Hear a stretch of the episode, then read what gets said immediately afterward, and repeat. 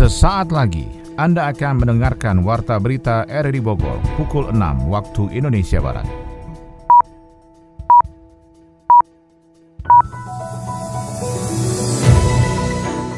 Selamat pagi, salam jumpa. Kami hadir kembali dalam Warta Berita edisi hari ini, Sabtu 2 April 2022. Informasi ini juga turut disiarkan melalui audio streaming lewat RRI Play dan juga disiarkan lewat Radio Tegak Beriman Kabupaten Bogor, Jawa Barat dan Anda bisa akses di Spotify RRI Bogor. Berita hari ini adalah Pemkap Bogor menggulirkan program relokasi mandiri dalam upaya merealisasikan pembangunan hunian tetap bagi para korban bencana longsor di Kecamatan Sukajaya dan Cigudeg yang terjadi pada awal tahun 2000 lalu. Jelang Ramadan, harga komoditas pangan di Kota Bogor cenderung stabil. Perumda Pasar Pakuan Jaya memastikan stok aman. Namun demikian, dua komoditas lainnya seperti minyak goreng dan daging sapi masih mengalami fluktuasi harga. Pengcap sepatu roda Kabupaten Bogor optimis akan meraih 4 medali emas di Poprov Jabar 2022 mendatang. Saya Maulana Narto, inilah Warta Berita selengkapnya.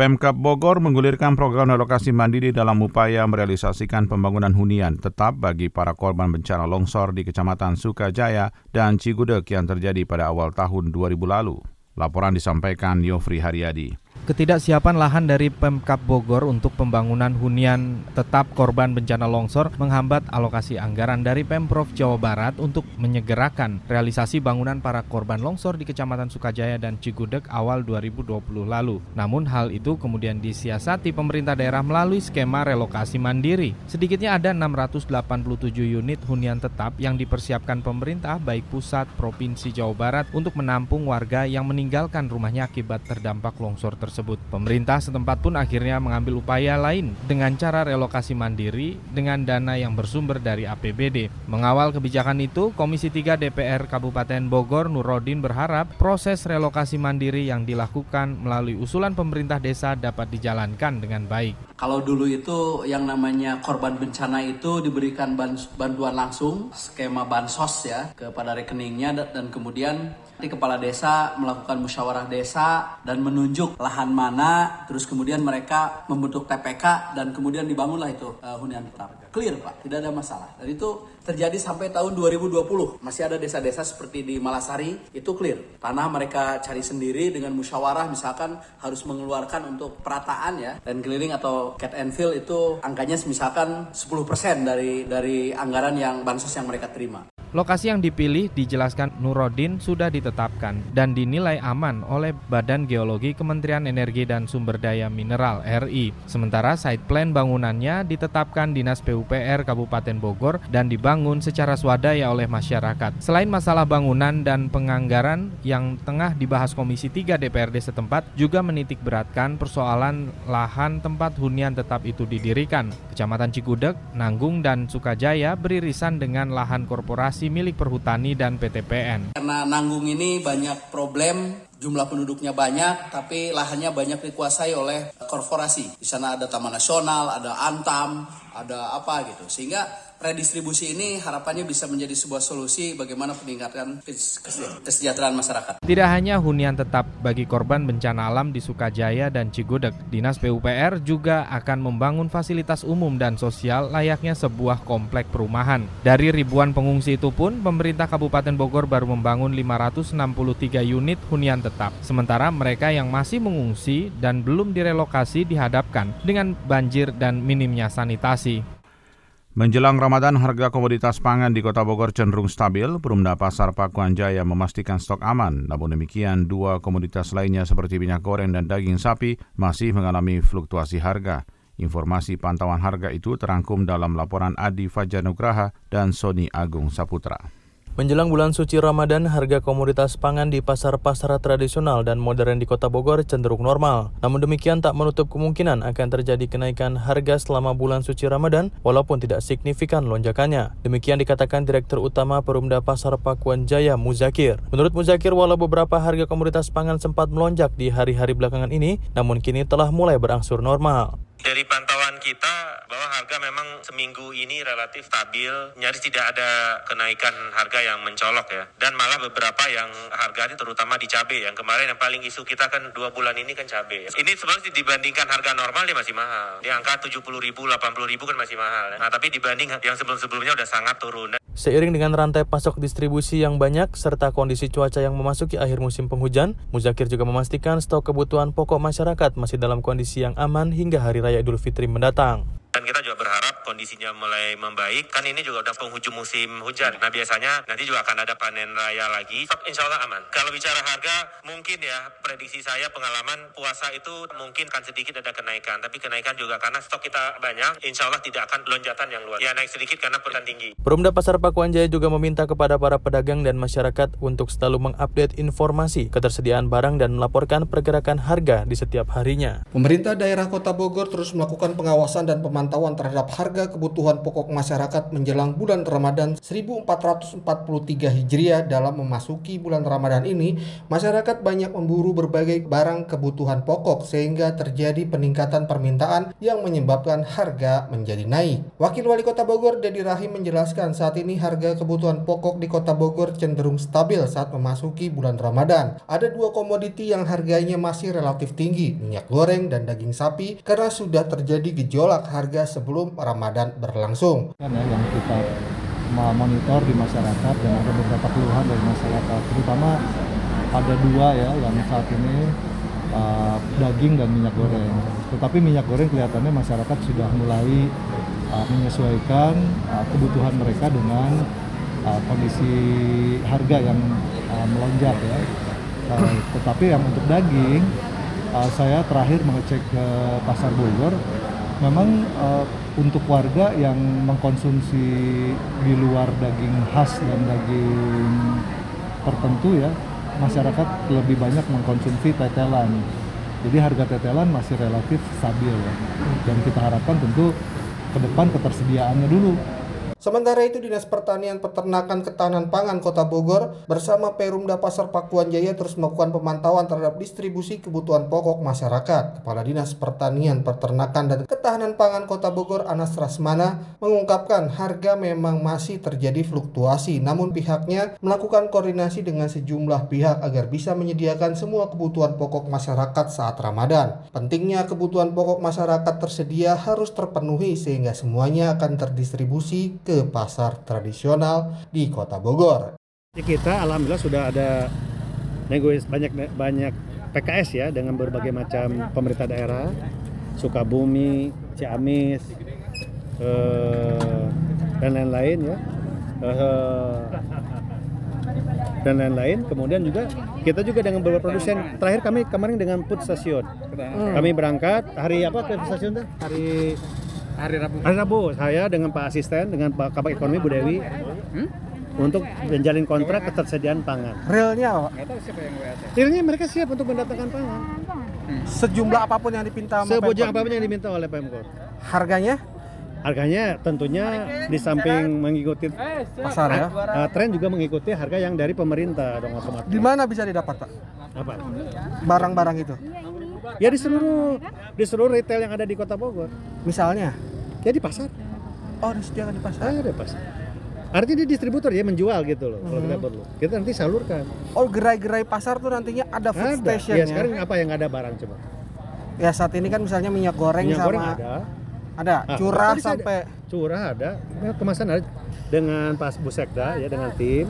Semua barang ada. Selain itu, pemerintah Kota Bogor juga mengantisipasi adanya penimbunan barang kebutuhan pokok saat Ramadan sehingga terkoordinasi dengan Satgas Pangan dan Polisian agar dapat melakukan penanganan. Masyarakat dihimbau tidak panik dalam menghadapi situasi saat ini karena persediaan barang relatif mencukupi untuk kebutuhan pokok masyarakat selain minyak goreng dan daging. Handuk mana nih handuk? Wih, lagi gambar apa Jo? Biasa bre, iseng. Coba lihat. Widih, keren keren, cakep. Eh, apaan sih? Bungkus permen doang kali. Sini, coba lihat. Bre, bre, lu mau ngapain bre? Kok dicoret-coret sih? Elah, dikit doang kali. Dikit juga coretan kali bre. Aduh iseng banget sih lu, ibu kos ngamuk deh nih. Lah itu kecil juga sampah kali. Ye, bawel malah nyolot. Yaudah nih, nitip buangin sekalian. Eh, uh, semprol. Buruan bre, gantian mandinya.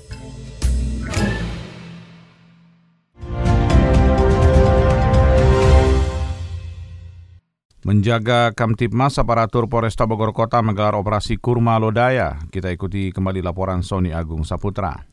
Aparatur gabungan TNI Polri dan Pemkot Bogor menggelar apel siaga keamanan Kantipmas di alun-alun Bogor Jumat pagi. Dalam agenda itu Forum Komunikasi Pimpinan Daerah Forkominda Kota Bogor melihat kesiapsiagaan fungsi agar bisa mengantisipasi gangguan penyakit masyarakat. Kemudian dalam apel itu dilakukan pemusnahan sedikitnya ribuan botol minuman keras miras. Kapolresta Bogor Kota Kombes Pol Susatyo Purnomo Condro mengungkapkan operasi kurma tersebut terus melakukan antisipasi gangguan Kantipmas dan penyakit masyarakat atau tidak minum minuman keras dan juga aksi balap liar. Kondusivitas keamanan dan kenyamanan saat melakukan ibadah Ramadan harus tetap terjaga sehingga pihaknya melakukan cipta kondisi dengan menurunkan polisi Ramadan sebanyak 500 orang yang melakukan patroli secara berkala ke semua wilayah. Semua hal yang mengganggu pelaksanaan kenyamanan beribadah selama bulan Ramadan itu pasti akan menjadi perhatian. Karena kegiatan Ramadan ini sudah menjadi tradisi, biasanya bagi euforia di awal Ramadan ini, seperti maraknya kejahatan, itu pasti menjadi atensi kami. Kemudian miras, ya pelanggaran terhadap tempat hiburan malam, termasuk juga tawuran, balap liar, semua hal yang berpotensi mengganggu pun pasti kami akan lakukan penindakan bersama dengan pemerintah kota dan juga dengan Kodim Kota Bogor gitu ya. Siapa Penggelaran pasukan akan ter, akan kami siapkan sebanyak delapan ya, delapan pos pengamanan baik itu untuk mengantisipasi kejahatan tawuran termasuk juga pada jam-jam sore ngabuburit dan sebagainya. Itu yang kami juga akan lakukan upaya untuk mengatur agar tidak terjadi kemacetan. Kemudian pihaknya juga akan melakukan upaya agar suasana ibadah Ramadan tetap terjaga. Tidak boleh ada sweeping dari pihak mana pun karena pemerintah TNI Polri tetap melakukan tugas dalam menjaga kondusivitas terutama dari gangguan kantipas dan penyakit masyarakat dengan adanya keputusan tempat hiburan malam THM harus tutup selama bulan suci Ramadan. Kami sudah mengumpulkan ormas Islam sama-sama menjaga Islam agama yang teduh ya sehingga tidak ada lagi sweeping-sweeping semuanya. Silakan laporkan kepada kepolisian, kepada Satpol PP pasti kami akan laksanakan penindakan. Upaya masyarakat dalam menciptakan kondusivitas wilayah juga harus terjaga sehingga bisa melewati bulan Ramadan penuh berkah dan ampunan. Anda tengah mendengarkan Warta Berita RRI Bogor. Info ekonomi, tarif pajak pertambahan nilai PPN resmi naik mulai dari 10% menjadi 11%. Beberapa komoditas turut berdampak akibat kenaikan PPM tersebut. Badan Pusat Statistik BPS mencatat indeks harga konsumen atau IHK mengalami inflasi walaupun besaran presentasinya masih relatif rendah. Dua topik informasi ekonomi tadi akan kita ikuti bersama Adi Fajar Nugraha. Tarif pajak pertambahan nilai atau PPN resmi naik mulai 1 April 2022 dari 10% menjadi 11%. Salah satu barang yang mengalami dampak kenaikan adalah mie instan. Seperti diakui staf khusus Menteri Keuangan bidang komunikasi strategis Justinus Prastowo yang mengatakan ada kenaikan harga mie instan setelah tarif PPN 11%. Hal itu ia coba langsung di salah satu pusat perbelanjaan. Namun Justinus menilai kenaikan itu sangat rendah jika dibandingkan kontribusi masyarakat jika dikumpulkan untuk menambah pendapatan negara di mana harga kenaikan mie instan hanya berkisar Rp25. Selain mie instan, minyak goreng juga mengalami pengenaan tarif PPN 11% sehingga terjadi penyesuaian harga. Meski begitu, Justinus mengingatkan bahwa ada juga beberapa barang dan jasa yang diberikan pembebasan tarif PPN 11% termasuk sembako atau bahan-bahan pokok yang dibutuhkan masyarakat. Selain itu, barang yang tidak dikecualikan dalam pengenaan PPN juga belum tentu harganya naik. Badan Pusat Statistik atau BPS mencatat indeks harga konsumen atau IHK mengalami inflasi atau kenaikan harga sebesar 0,66 persen secara bulanan pada Maret 2022. Sementara secara tahunan terjadi inflasi sebesar 2,64 persen. Demikian dikatakan Kepala BPS Margo Yono. Inflasi Januari ini tutur Margo menjadi yang tertinggi jika dilihat secara tahunan sejak Mei 2019.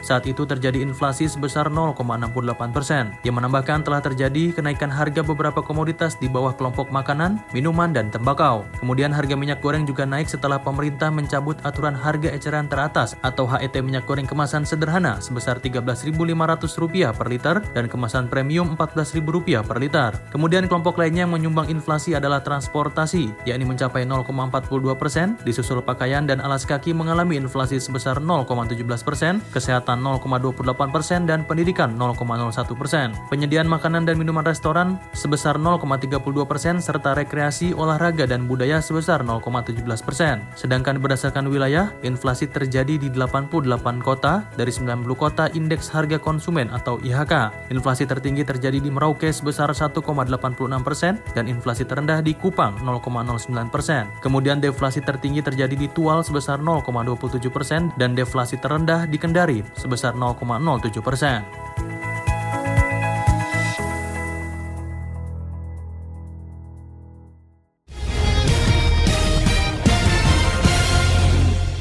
Dari dunia olahraga, Pengcap Sepatu Roda Kabupaten Bogor menargetkan rehan 4 medali emas pada Pemprov Jabar 2022 mendatang. Kita akan ikuti laporan Ermelinda.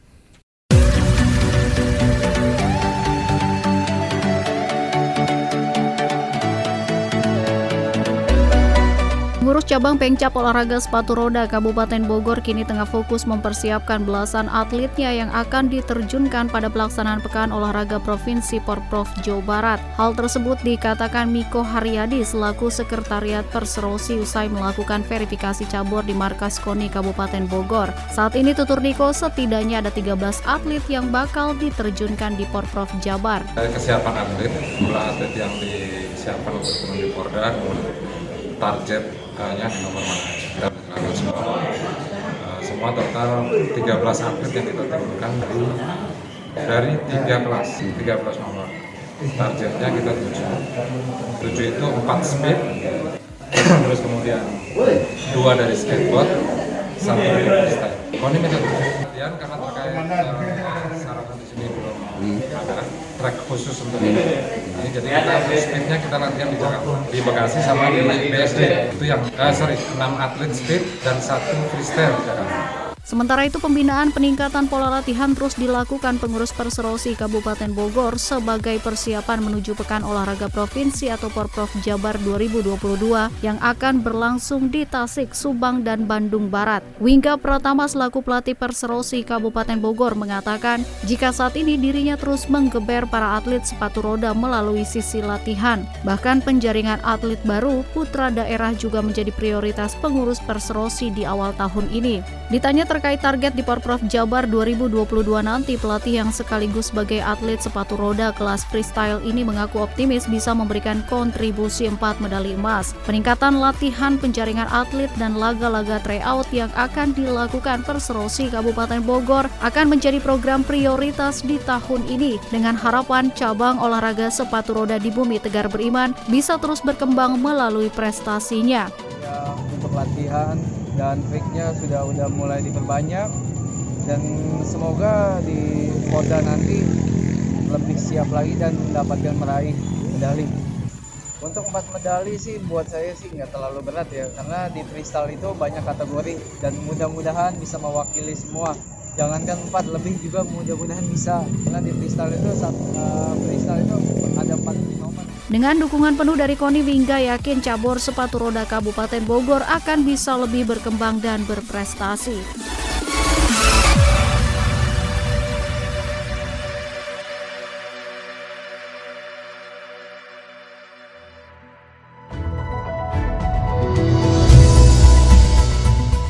Demikian rangkaian informasi dalam Warta Berita di edisi hari ini. Sebelum berpisah kami sampaikan berita utama. Pemkap Bogor menggulirkan program relokasi mandiri dalam upaya merealisasikan pembangunan hunian tetap bagi para korban bencana longsor di Kecamatan Sukajaya dan Cigudeg yang terjadi pada awal tahun 2000 lalu. Jelang Ramadan, harga komoditas pangan di Kota Bogor cenderung stabil. Perumda Pasar Pakuan Jaya memastikan stok aman. Namun demikian, dua komoditas lainnya seperti minyak goreng dan daging sapi masih mengalami fluktuasi harga. Pengcap Sepatu Roda Kabupaten Bogor optimis akan meraih 4 medali emas di Poprov Jabar 2022 mendatang. Saya Maulana Isnarto, mewakili kerabat kerja yang bertugas hari ini terima kasih atas perhatian Anda. Selamat pagi, sampai jumpa.